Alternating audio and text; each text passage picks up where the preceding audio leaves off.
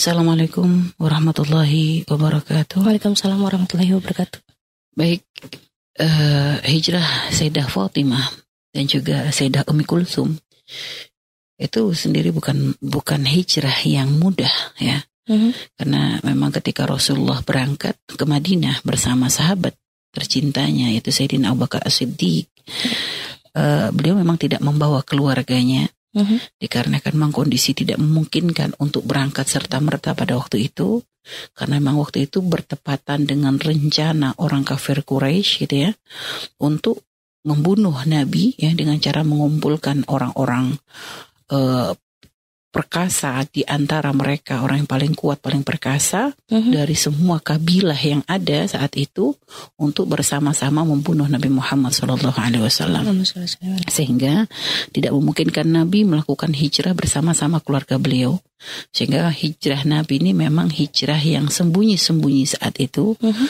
dan bukan karena Nabi takut akan tapi itu adalah karena kini Nabi selalu memposisikan diri beliau itu bukan hanya sebagai Nabi tapi juga sebagai imam. Mm-hmm. Dan Nabi itu sebenarnya pengen mengajarkan kepada kita strategi dalam dakwah, strategi dalam banyak hal. Mm-hmm.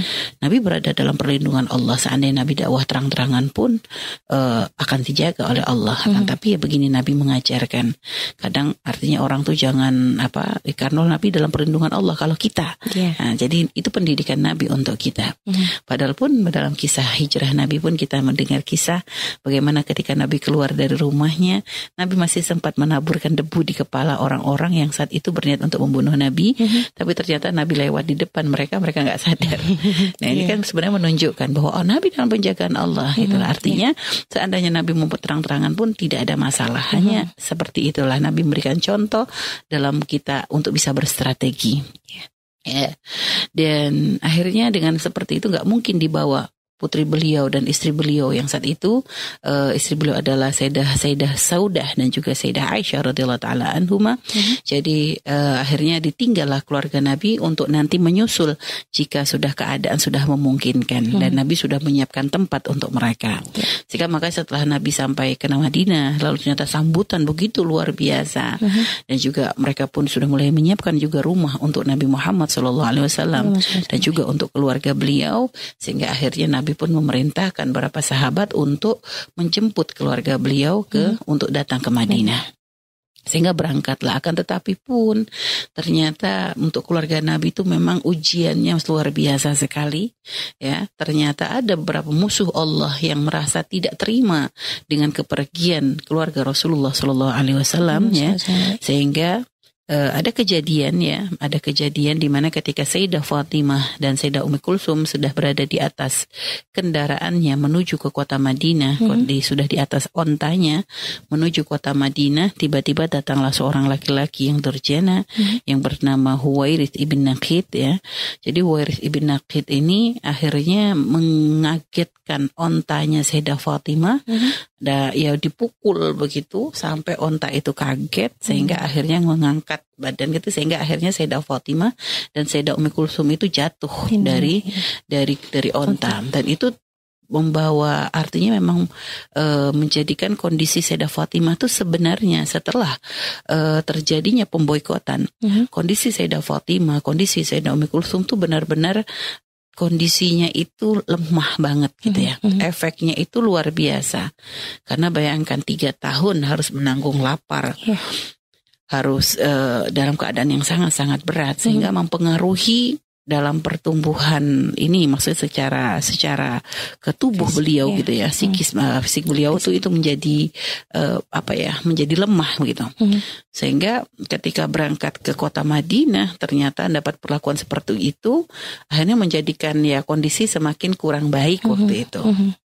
dan Nabi sangat marah begitu mendengar bahwa putrinya diperlakukan seperti itu dan ya seperti Umi sampaikan waktu Sayyidah Zainab juga kan seperti itu kisahnya mm, yeah. ya tapi bahkan kalau Sayyidah Zainab lebih parah lagi karena kondisi beliau sedang hamil yeah, yeah. sehingga ini perbuatan yang sangat durjana karena ya dipandang nggak pantas banget seorang laki-laki berbuat jahat seperti itu kepada seorang wanita mm. Secara ibarat kalau memang laki-laki pengen menunjukkan keberaniannya jangan kepada wanita. Yeah. Ayo lawan sama-sama laki-laki. Mm -hmm. Ini kepada seorang wanita yang lemah Jadi ini menunjukkan sebenarnya kehinaan bahkan di kalangan Arab pun itu dianggap sebagai sesuatu yang tercela, terhina, hmm. rendah. Sehingga ya ini termasuk hukumnya dan ini kafir harbi yang harus diperangi. Ya. Sehingga akhirnya Nabi pun memerintahkan ya, karena ini berbuat dolim kepada wanita. Uh, Nabi merintahkan kepada siapa pun yang bertemu nanti dengan Huwairith ibn Naqid agar membunuhnya. Hmm. Dan akhirnya terjadilah ya ketika akhirnya dia bertemu dengan Imam Ali karamallahu wajha, hmm. maka Imam Ali pun menjalankan perintah Nabi dengan membunuh uh, Huwairith ibn Naqid yang itu terjadi pada waktu Fathu Makkah. Ya. Ya. Nah akhirnya begitu Sayyidah Fatimah sampai ke kota Madinah maka beliau pun akhirnya Alhamdulillah ya e, merasakan keindahan ya di situ Sayyidah Fatimah merasa sangat terharu melihat bagaimana kecintaan atau keadaan yang sangat berbanding terbalik dengan yang selama ini dilihat oleh beliau. Mm-hmm. Bagaimana Nabi ketika di Mekah selalu terhinakan, selalu dihina, selalu selalu disakiti, selalu didolimi. Yeah. Akan tapi ketika sampai di kota Madinah, Sayyidah Fatimah menemukan orang-orang yang sangat mencintai Rasulullah Shallallahu Alaihi Wasallam, sangat menghormati beliau, mengikuti apa yang disampaikan Nabi, mm-hmm. sehingga hampir tidak ada satupun orang di Madinah kecuali saat itu telah berasyhadu alla ilaha illallah wa asyhadu anna Muhammad Rasulullah. Begitu mudahnya Allah Allah memberikan berikan hidayah kepada mereka. Hmm. Hanya dengan mendengar satu ayat Allah bukakan hati mereka lalu mereka bersyahadat. Sehingga memang kondisi sangat-sangat indah saat itu. Belum lagi orang-orang Ansor, orang-orang Ansar, orang-orang Madinah menyambut kedatangan orang-orang Muhajir dengan sangat-sangat sambutan yang sangat luar biasa sehingga eh, apalagi setelah Nabi mempersatukan mereka dalam ikatan persaudaraan ya, hmm. sehingga akhirnya mereka orang-orang Madinah yang merasa kuat mampu kaya itu dengan tidak tidak tidak ragunya untuk berikan pertolongan kepada orang-orang muhajir yang hmm. memang saat itu ketika mereka hijrah mereka benar-benar ibaratnya meninggalkan dunianya untuk Allah dan Rasulullah Shallallahu Alaihi Wasallam. Dan kondisi ini benar, kondisi ini benar-benar membahagiakan Sayyidah Fatimah sehingga menjadikan beliau pun merasa tenang ya, merasa bahagia. Mm -hmm. Sampai akhirnya ya, ketika beliau sudah berusia 18 tahun mm -hmm. ya. Mm-hmm. Saat itulah mulai banyak beberapa sahabat yang berkeinginan untuk melamar Sayyidah Fatimah radhiyallahu taala anha. Mm -hmm. Dan kalau dilihat usia 18 ini sudah sebenarnya usia untuk kalangan orang Arab ini sebenarnya sudah usia terlambat. Mm -hmm, yeah. Karena kalau kita dengar kisah-kisah para istri-istri Nabi itu 18 tahun itu sudah pernikahan yang kedua dengan Nabi. Mm -hmm. Tapi mm-hmm. Sayyidah Fatimah belum pernah sama sekali. Mm -hmm. Karena memang uh, bukan karena nggak ada yang mau, mm-hmm. tapi karena memang Sayyidah Fatimah ini ketika kondisi di Mekah memang tidak memungkinkan untuk beliau menikah dan juga beliau tuh sangat fokus dengan ayahnya. Mm-hmm. Makanya kan gelar Ummu Abiha itu karena mm-hmm. memang ibarat benar-benar beliau tuh lebih fokus kepada urusan ayahnya mm-hmm. sehingga ya sampai beliau tuh tidak berpikir untuk kepentingan dirinya. Yeah. Sehingga bahkan setelah Sayyidah Khadijah wafat pun tidak serta merta langsung Sayyidah Fatimah pengen menikah. Bahkan beliau merasa punya kewajiban lebih besar ya untuk selalu menjaga dan menyenangkan ayahnya. Hmm.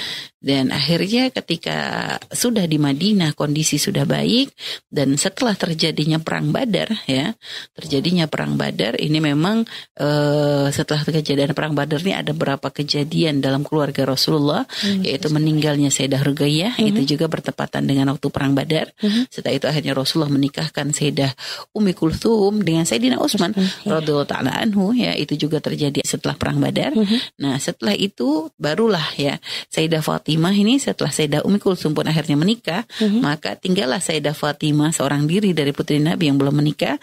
Maka pada waktu itu beberapa sahabat punya hajat untuk meminta beliau kepada Rasulullah Shallallahu Alaihi Wasallam. Akhirnya termasuk yang meminta beliau itu adalah Sayyidina Abu Bakar As-Siddiq ya. Beliau datang menemui Nabi Muhammad Shallallahu alaihi wasallam untuk meminta Sayyidah Fatimah, uh mhm. -huh. tapi Rasulullah hanya diam saja. Beliau hanya berkata, "Antadzir fiha amrullah." Aku uh mhm. -huh. menunggu urusan Fatimah ini dari perintah Allah Subhanahu wa taala. Mm -hmm.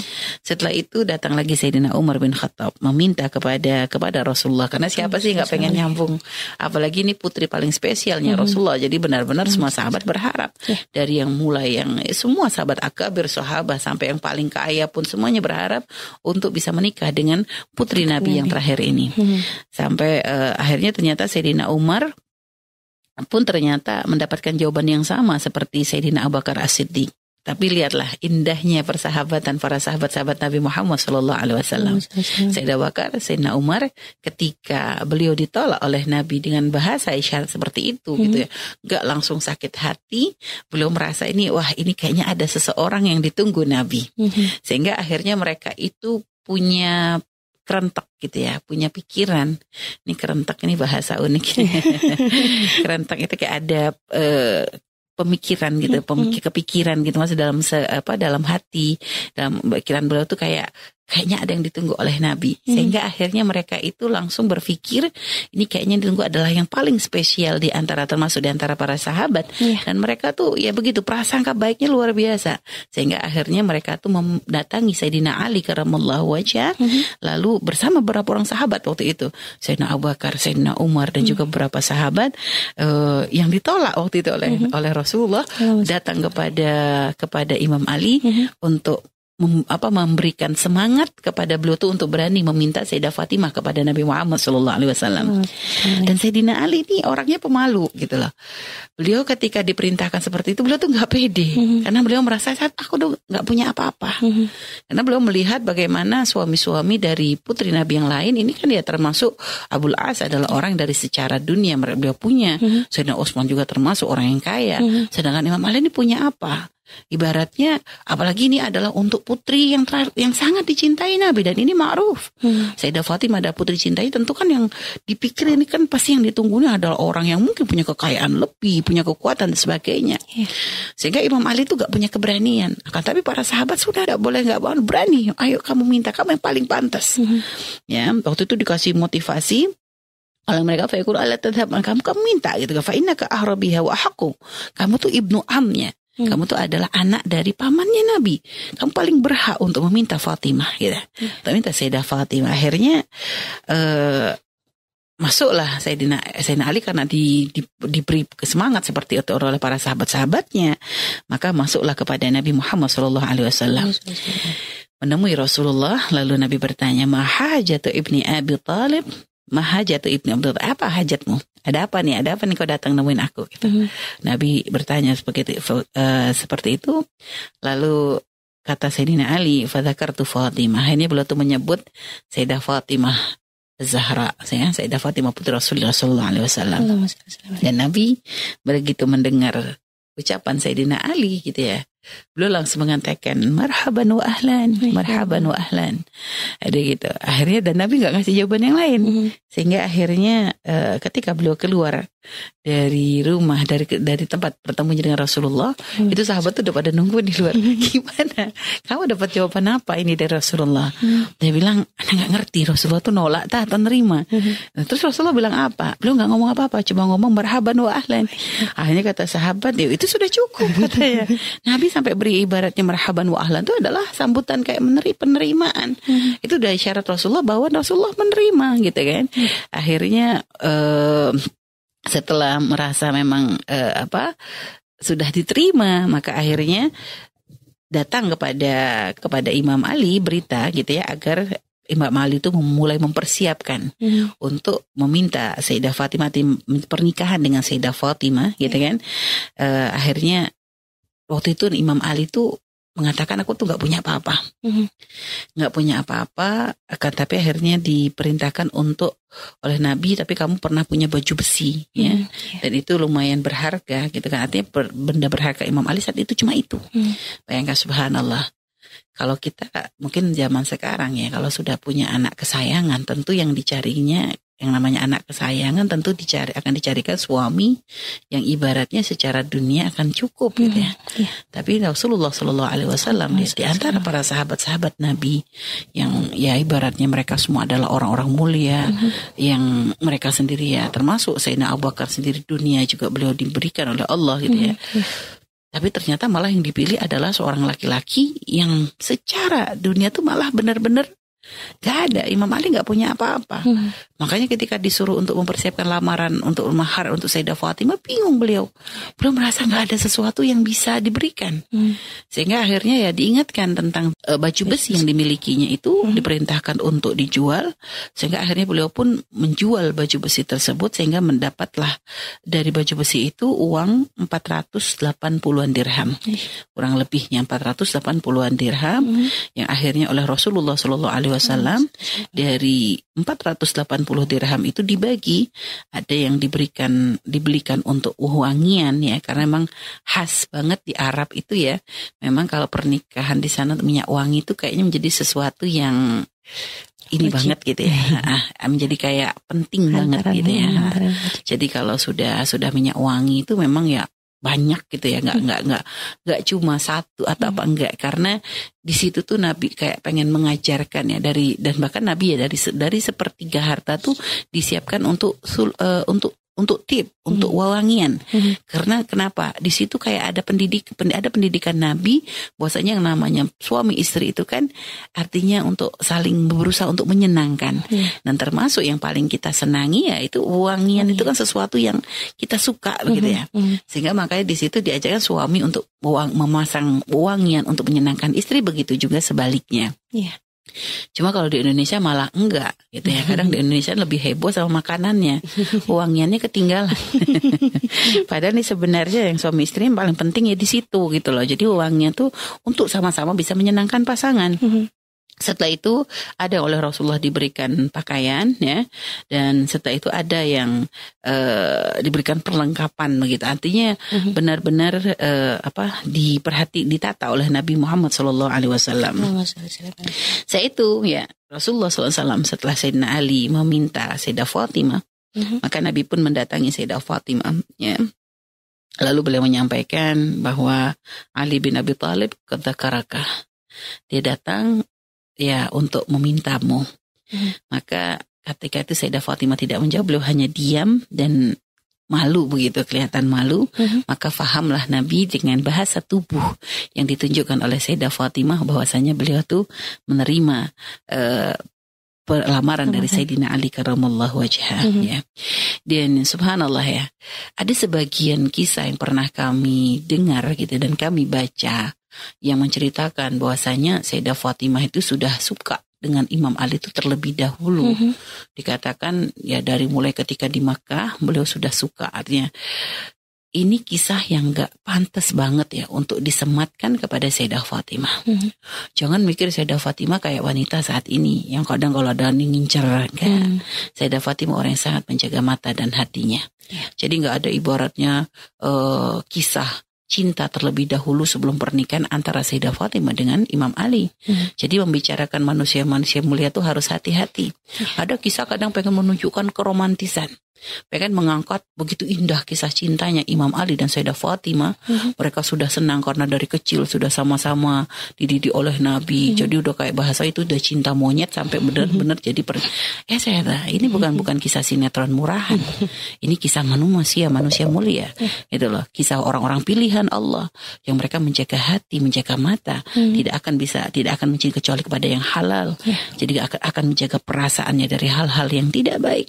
Jadi Makanya ini adalah satu kesalahan. Makanya kalau mendengar kisah-kisah seperti itu para sahabat yang dimuliakan Allah, artinya kita harus selektif.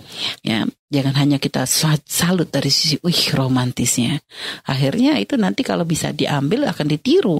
Kalau Fatih Fatimah aja ngincer kok lihat. Ah gimana kita kan begitu naudzubillah. Yeah.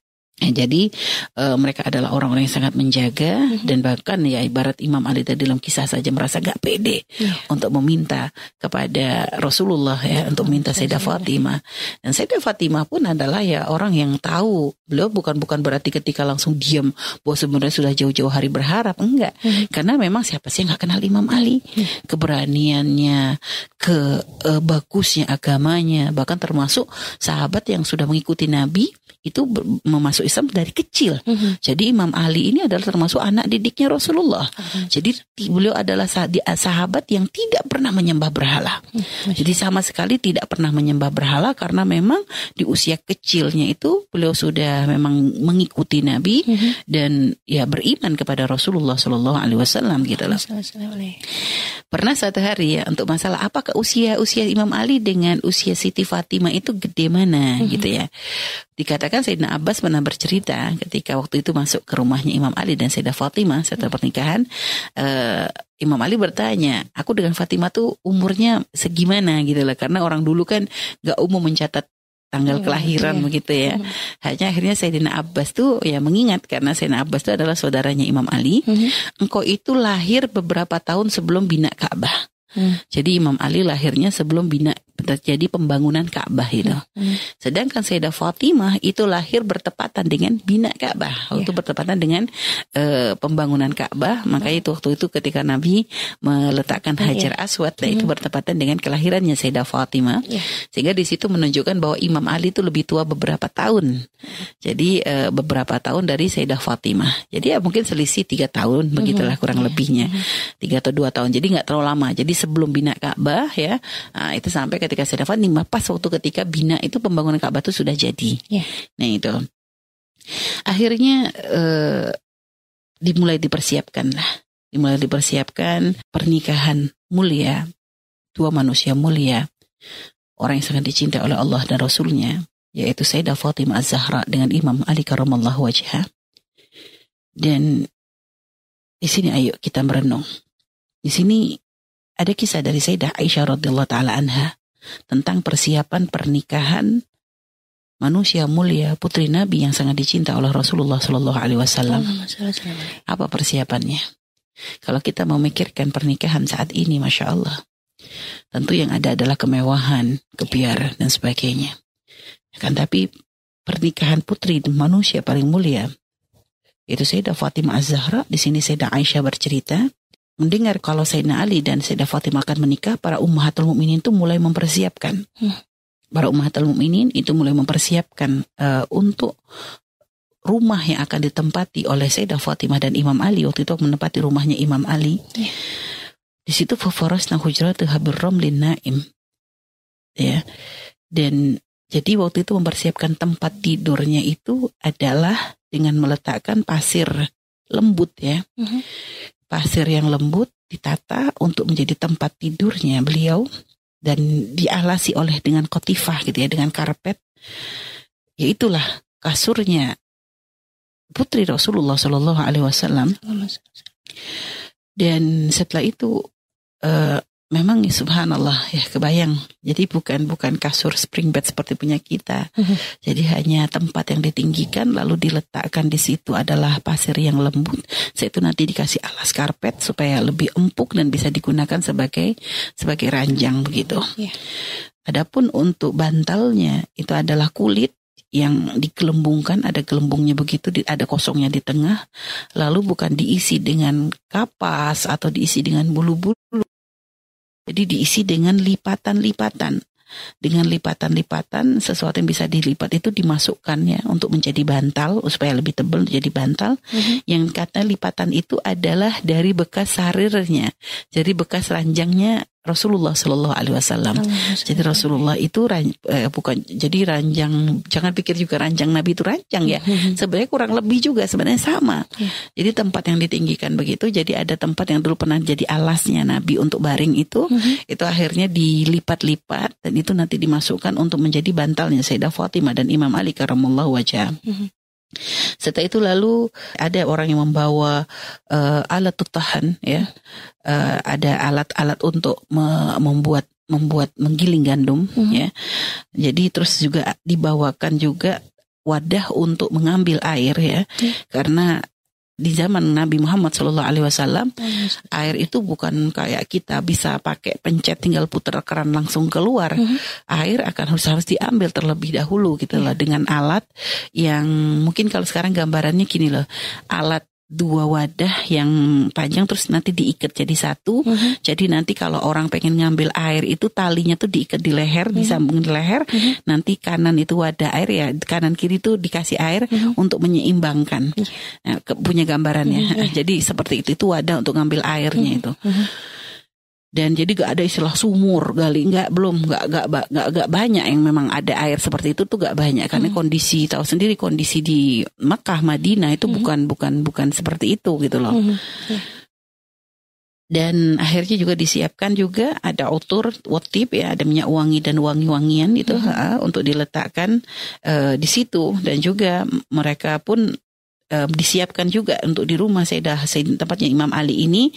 Ada apa di pojok kamar itu ada dinding sama dinding kan ada sudut gitu ya Mhm. yang di situ lalu diletakkan eh, apa sih eh, kayak kayu ya Iya. yang nanti berfungsi untuk kayak nyantolin baju begitu ya. Mungkin kalau sekarang tuh kita tuh dulap apa lemari Mhm. akan tapi zaman Nabi nggak ada nggak ada Sayyidah Fatimah putri Nabi nggak punya lemari jadi hanya sekedar pojokan tempat itu pojok kamar itu Mhm. kayak dikasih gantungan cantolan begitu hanya sekedar untuk meletakkan baju Iya. yang jumlahnya pun tidak tidak tidak lebih daripada satu tangan gitu ya. Nggak lebih daripada satu tangan. Mhm. karena eh, bukan seperti kita. Bayang kalau kita kayaknya kalau nikah lemari full ya. Hmm. tapi kalau putri Rasulullah nggak begitu. Dan subhanallah inilah eh, kesederhanaan keluarga Nabi Muhammad Shallallahu Alaihi Wasallam Padahal beliau adalah orang yang mulia, tapi ya memang seperti itulah yang diharap diinginkan oleh Rasulullah. Bukan karena Nabi tidak mampu untuk meminta dunia, Nabi kalau seandainya mau, dunia akan dihamparkan untuk beliau. Artinya pun Allah akan menyiapkan buka apa jadi satu wadah satu tempat akan dijadikan diberi emas sisip Allah mampu untuk Nabi kita. Akan tapi bukan itu yang dipilih oleh Nabi jadi dunia di- dianggap hanya sekedar sesaat hanya tempat untuk sekedar dilewati bukan untuk dinikmati sehingga makanya Nabi memberikan tarbiyah ini untuk untuk ahli baitnya untuk keluarganya dan Sayyidah Fatimah ini akan menjadi eh, penerusnya Mhm. menjadi ibu bagi para ahli bait Iya. sehingga ibarat tuh Nabi tuh ingin memberikan eh, ibarat kalau pondasi itu dikuatkan banget Mhm. Jadi kalau mau membuat bangunan pondasinya tuh benar-benar kokoh benar-benar kuat sehingga apa dari pondasi yang kuat ini nanti ke atasnya akan semakin lebih kuat Iya. jadi memang seperti itulah tujuan Rasulullah SAW untuk Sayyidah Fatimah benar-benar dididik dengan pendidikan yang luar biasa karena nanti dari Sayyidah Fatimah lah keturunan Nabi akan terus terlahir. Mhm. Setelah itu Sayyidina Hamzah sangat bahagia dengan pernikahan Imam Ali dengan Sayyidah Fatimah. Sehingga beliau tuh akhirnya datang menyembelih dua ekor onta ya. Mhm. Dua ekor onta itu disembelih lalu dibagi-bagikan kepada orang-orang. Dan juga ada yang menyumbang kurma, ya Mhm. ada menyumbang menyumbang zabib. Zabib itu eh, anggur kering, Mhm. apa kismis ya, Kismis, ya. kismis ya. Sampai dikatakan oleh Sayyidah Aisyah gitu ya, famara itu wallah arsan afdal min arsi Fatimah. Demi Allah aku nggak pernah ngelihat eh, pernikahan yang paling bagus gitu mas lebih pernikahannya Sayyidah Fatimah. Jadi kayak semua orang itu benar-benar turun ya untuk berbahagia Mhm. dengan pernikahannya putri Rasulullah SAW Allahumma shalli. dengan Imam Ali karramallahu wajhah. Ya. Setelah pernikahan sudah sudah sudah terjadi gitu ya pernikahan Sayyidina Ali dan Sayyidah Fatimah sudah terjadi, maka Rasulullah Shallallahu alaihi wasallam menghantarkan Sayyidah Fatimah ke rumahnya Imam Ali dan menaikkan eh, menyuruh Sayyidah Fatimah untuk naik baghlah. Baghlah itu keledai Mhm. ya yang bernama Syahba milik Nabi Muhammad Shallallahu alaihi wasallam. Sayyidah Fatimah suruh naik ya, tentu dengan pakaian yang tertutup ya. Setelah itu Rasulullah menyuruh Sayyidina Salman untuk membawa keledai itu ya, gandeng keledai yang memegang tali kekangnya keledai itu Mhm. untuk membawa Sayyidah Fatimah ke rumahnya Imam Ali dan dari belakang itu Rasulullah dan juga para keluarga semua ya Sayyidina Hamzah dan juga Ba'du Bani Hashim Mhm. keluarga Bani Hashim itu mengiringi eh, apa perginya Sayyidah Fatimah menuju ke rumah suaminya Imam Ali. Insya Mungkin sekarang ada berpikir, "Loh, kok malah Sayyidah Fatimah yang ke rumah Imam Ali? Kenapa bukan Imam Ali yang ke tempat Sayyidah Fatimah? Mhm. Harus kita pahami. Rumah Rasulullah di situ ada istri-istri Nabi Muhammad Shallallahu Alaihi Wasallam. Jadi jangan berpikir rumah Nabi itu rumah yang bisa menampung ya. Kalau sekarang ibarat anak perempuan dibawa ke rumah, anak perempuan didatangi gitu ya oleh, hmm. oleh pengantin laki karena biasa acara kan di kalau di kita biasanya di tempat wanita malahan. Hmm. Ya karena memang biasanya rumah ada lebih ada kamar lebih dan sebagainya. Hmm. Tapi Nabi nggak punya tempat seperti itu. Rumah Nabi adalah hanya satu ruangan ya yang ditempati oleh beliau dengan istrinya ya. E, sangat kecil sekali sehingga tidak mungkin ibaratnya kalau nanti ada Sayyidina Fatimah dan Sayyidina Ali sudah nggak ada tempat lagi ibarat untuk Rasulullah dan istri beliau. Sehingga akhirnya dibawalah ke rumah Imam Ali walaupun rumah Imam Ali pun bukan rumah yang bagus megah. Hmm. akan tapi ya seperti itulah diatur oleh Nabi Muhammad Shallallahu Alaihi Wasallam. Dan para umatul mukminin gitu ya merasa semangat banget sampai mereka itu ya ikut lari-lari untuk menuju ke tempat Imam Ali gitu ya. Untuk nanti menyambut Sayyidah Fatimah di tempat tersebut gitu yeah. kan. Dan kenapa kok sampai mereka tuh ibaratnya semangat banget gitu ya. Untuk ya untuk acara putri Nabi Muhammad Shallallahu Alaihi Wasallam. Karena mereka adalah orang-orang mulia mengerti bahwa Sayyidah Fatimah ini adalah orang yang sangat dicintai oleh Nabi. Mm-hmm. sehingga mencintai orang dicintai Nabi itu akan mendatangkan ridho Rasulullah Shallallahu Alaihi Wasallam. Sehingga kita pun begitu. Kalau kita mengerti siapa siapa orang dicintai Nabi maka cintai mereka. Mm-hmm orang dicintai Rasulullah lalu kita benci naudzubillah itu cinta dusta berarti ngaku cinta Nabi tapi benci dengan yang dicintai Nabi. Hmm. Maka para ummahatul mukminin tahu ini adalah orang yang sangat dicintai oleh oleh uh, oleh Rasulullah hmm. sehingga mereka berlomba-lomba untuk datang ke rumah Sayyidah Ali untuk menyambut Sayyidah Fatimah hmm. ya bahkan sampai Sayyidah Ummu Salamah juga bersenandung di situ hmm. membacakan qasidah gasidah yeah. jadi untuk uh, menyemarakkan pernikahan dari Sayyidah Fatimah dan Imam Ali karramallahu wajah hmm. ya yang tapi ini jangan pikir qasidah kayak tempat apa terbunga enggak hmm. khusus ketika di kalangan wanita begitu yeah. jadi untuk sekedar untuk meramaikan untuk menyenangkan Rasulullah SAW hmm. uh, dengan mendatangkan kebahagiaan di hati putri beliau yeah. yang saat itu tidak bisa ditemani oleh ibundanya Sayyidah Khadijah radhiyallahu taala anha hmm. Dan uh, setelah itu ketika sudah Rasulullah sampai ke tempatnya Imam Ali gitu ya, lalu Nabi menyuruh Sayyidah Fatimah untuk masuk gitu kan mm-hmm. memasukkan ke dalam ke rumah Ali setelah itu ternyata berbarengan saat itu waktu Isya sudah sudah tiba mm-hmm. jadi Nabi ketika habis sholat maghrib tadi membawa Sayyidah Fatimah ke tempat Imam Ali dan yeah. ternyata begitu sampai ke tempat Imam Ali ya tidak lama ternyata waktu berbarengan dengan waktu azan mm-hmm akhirnya Nabi menyuruh menunggu ya nunggu nanti aku akan kembali lagi dan inilah subhanallah jadi dengan dengan kondisi pernikahan pun ternyata tidak menjadikan Nabi itu gofil urusan masalah sholat gitu kan. Mm-hmm. Makanya para akhwat fillah, para para sahabat yang dimuliakan Allah subhanahu wa taala ini menjadi tarbiyah. Kadang berapa banyak gara-gara pernikahan sholat ditinggal. Mm-hmm. Jadi kadang pengantin hanya karena untuk menjaga dandanan, mm-hmm. akhirnya pengantin libur sholat di hari pernikahannya. Padahal tidak ada libur sholat. Gak boleh ada istilah libur sholat itu. Gimana kok menghadap Allah diliburkan di waktu yang paling mulia. Hmm. Ini sering kali terjadi. Kadang kalau nggak pengantin yang yang libur, ibunya juga ikutan libur karena sama-sama jaga dandanan. Hmm. Subhanallah. Hanya karena untuk urusan bedak ya, kita jaga bedak, jaga dandanan. Akan tapi kita mau di perburuk wajah kita di akhirat dengan kita meninggalkan sholat naudzubillah. Sehingga makanya perhatian untuk semua sahabat. Artinya acara seperti apa pun selalu prioritaskan urusan sholat. Iya. Dan ada cara kok kalau supaya nanti bagaimana ketika pernikahan itu gimana sholat boleh enggak jamak takdim jamak takhir. Tanyakan kepada ahlinya hmm. ya. Jangan membuat fatwa sendiri. Sampai kita katanya pernah dengar ada fatwa ini kalau khusus untuk pernikahan boleh menggabungkan sholat itu lima waktu menjadi satu waktu. Hukum jamak model apa ini? Enggak ngerti kok bisa langsung keluar hukum gara-gara pernikahan ini ngarang. Enggak ada istilahnya jamak itu ya dua sholat. Enggak ada jamak empat sholat itu. Itu namanya sudah meninggalkan itu jadi hmm. jangan main-main urusan masalah hukum syariat, jangan merubah seenaknya sendiri hanya karena uh, urusan-urusan kepentingan pribadi itu. Hmm. Baik ya. Sampai akhirnya ketika Nabi berpesan begitu ya, setelah sholat Nabi sholat, Nabi kembali, Nabi kembali untuk mendatangi Sayyidah Sayyidina Ali, untuk mendatangi Sayyidah Fatimah yang ada di rumah Imam Ali. Mm -hmm. Jadi ketika ketika akhirnya sudah waktu dekat untuk Imam Ali bertemu dengan Sayyidah Fatimah, para wanita yang ada di situ pada keluar semuanya. Pada keluar semua sehingga akhirnya ternyata tertinggal satu wanita di situ. Satu wanita yang nggak pergi Jadi akhirnya Rasulullah uh, bertanya, siapa nih perempuan yang masih tetap di tempat tersebut? Hmm. Uh, kenapa kamu kok masih di sini, gitu kan?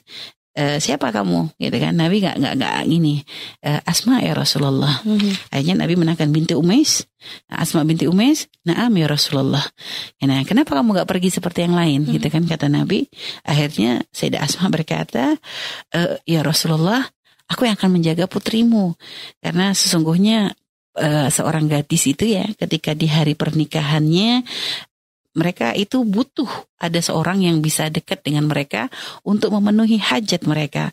Mungkin mereka ingin butuh apa, nanti akan dipenuhi dan aku yang akan maksudnya mengambil peran itu ya Rasulullah. Mm -hmm. Dan subhanallah, Nabi merasa bahagia banget gitu ya ketika ada ternyata seseorang yang memperhatikan hal tersebut gitu kan. Di saat beliau pun merasa biasanya kan ditemani oleh ibunda. Tapi saat ini Sayyidah Fatimah tidak ada ibunda yang menemaninya. Hmm. Sehingga uh, makanya Rasulullah merasa bersyukur banget gitu ya. Ketika akhirnya ada seorang wanita yang mau menemani Sayyidah Fatimah saat itu gitu hmm. kan.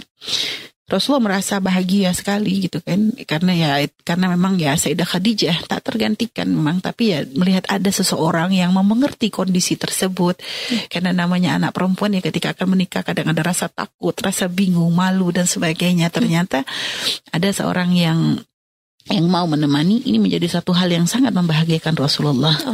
Akhirnya Nabi pun mendoakan uh, Sayyidah Asma dengan doa yang subhanallah. Beliau berkata, "Fa'adani Rasulullah SAW bidakwat." Jadi Rasulullah itu doa mendoakan dengan doa yang banyak dan wallah inilah arjuha katanya. Sungguh aku tuh memang benar-benar berharap.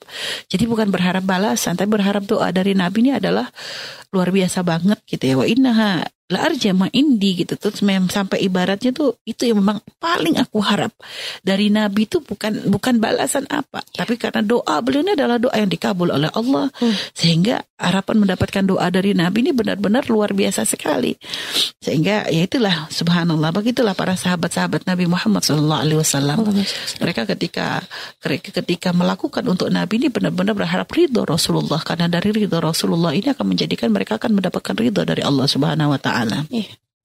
Setelah itu akhirnya memasukkan masukkanlah Imam Ali ya dan dipertemukanlah dengan Sayyidah Fatimah gitu kan.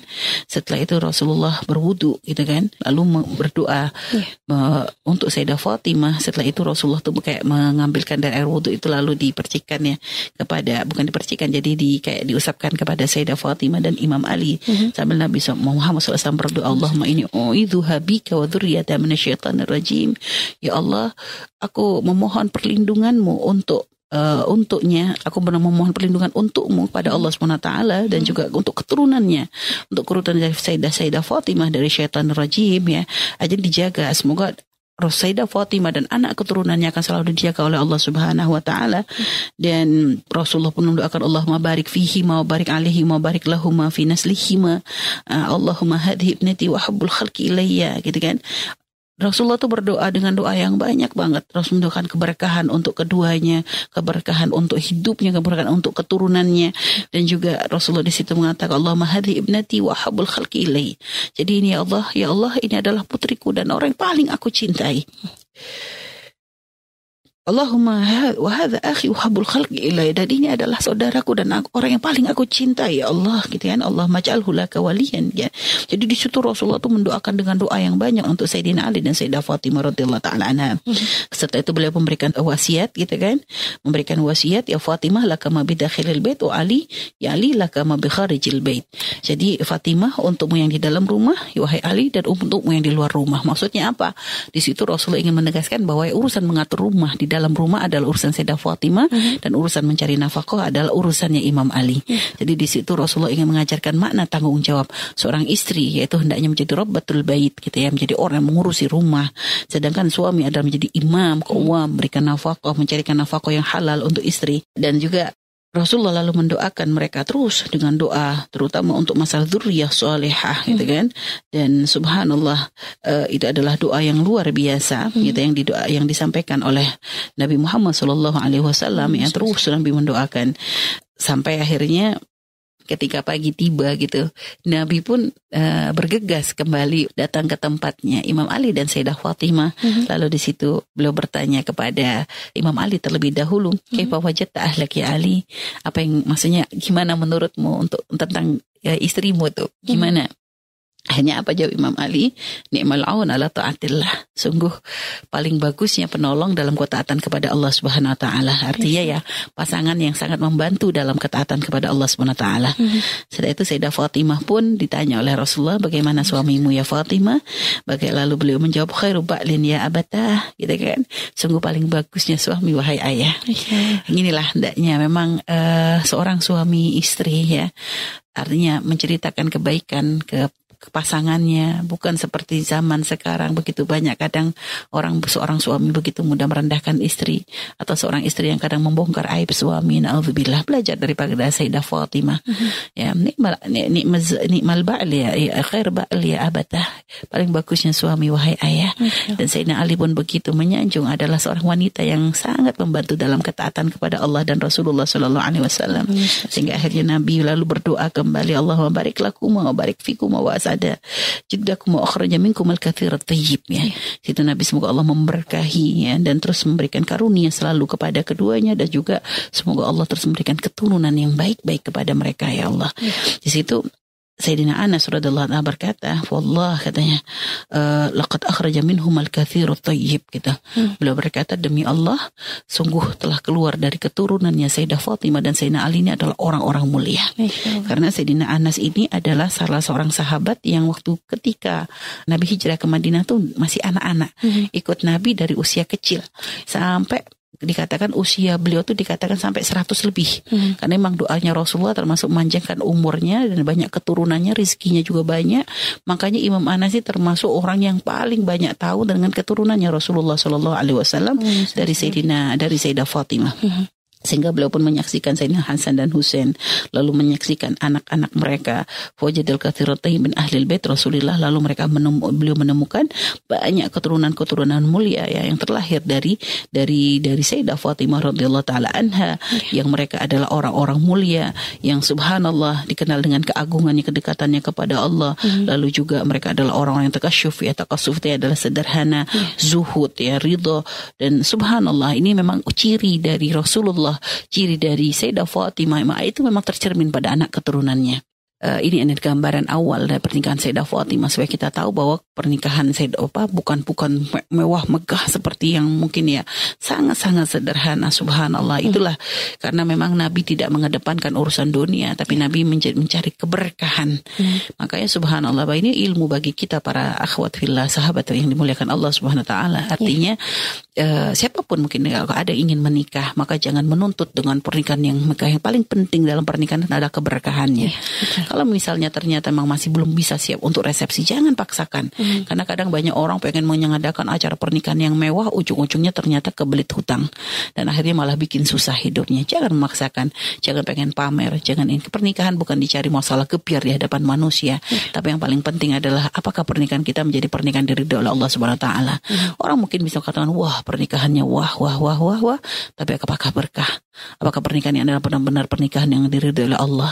Apakah adalah pernikahan kita bisa meninggalkan keharaman. Hmm. Karena sekarang banyak sekali pernikahan yang ternyata dilakukan ya bahkan dari kalangan orang-orang muslim akan tapi ternyata pernikahannya sama sekali tidak mencerminkan pernikahan yang diajarkan Nabi. Hmm. Bahkan banyak sekali kadang pelanggaran-pelanggaran syariat yang dilakukan dalam pernikahan. Hmm. Banyak orang kadang meninggalkan sholat gara-gara pernikahan. Hmm. Banyak orang membuka aurat gara-gara pernikahan. Kadang banyak orang melakukan acara-acara yang yang melanggar syariat Nabi.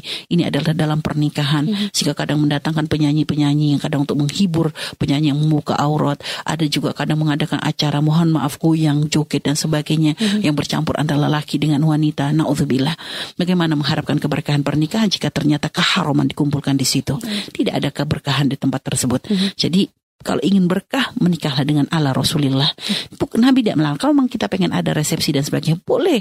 Akan tapi semuanya dengan koridor syariat. Hmm. Jadi jangan ada membuka aurat. Jangan sampai meninggalkan sholat. Hmm. Jangan ikhtilat antara lelaki dan wanita. Hmm. Jangan sampai ibaratnya ada uh, kita memanggil orang yang membuka aurat. Karena na'udzubillah. Dengan adanya orang buka aurat, berarti kita mengundang dosa di tempat tersebut. Dan itu akan menjadi sebab malaikat rahmat tidak akan turun di situ. Hmm.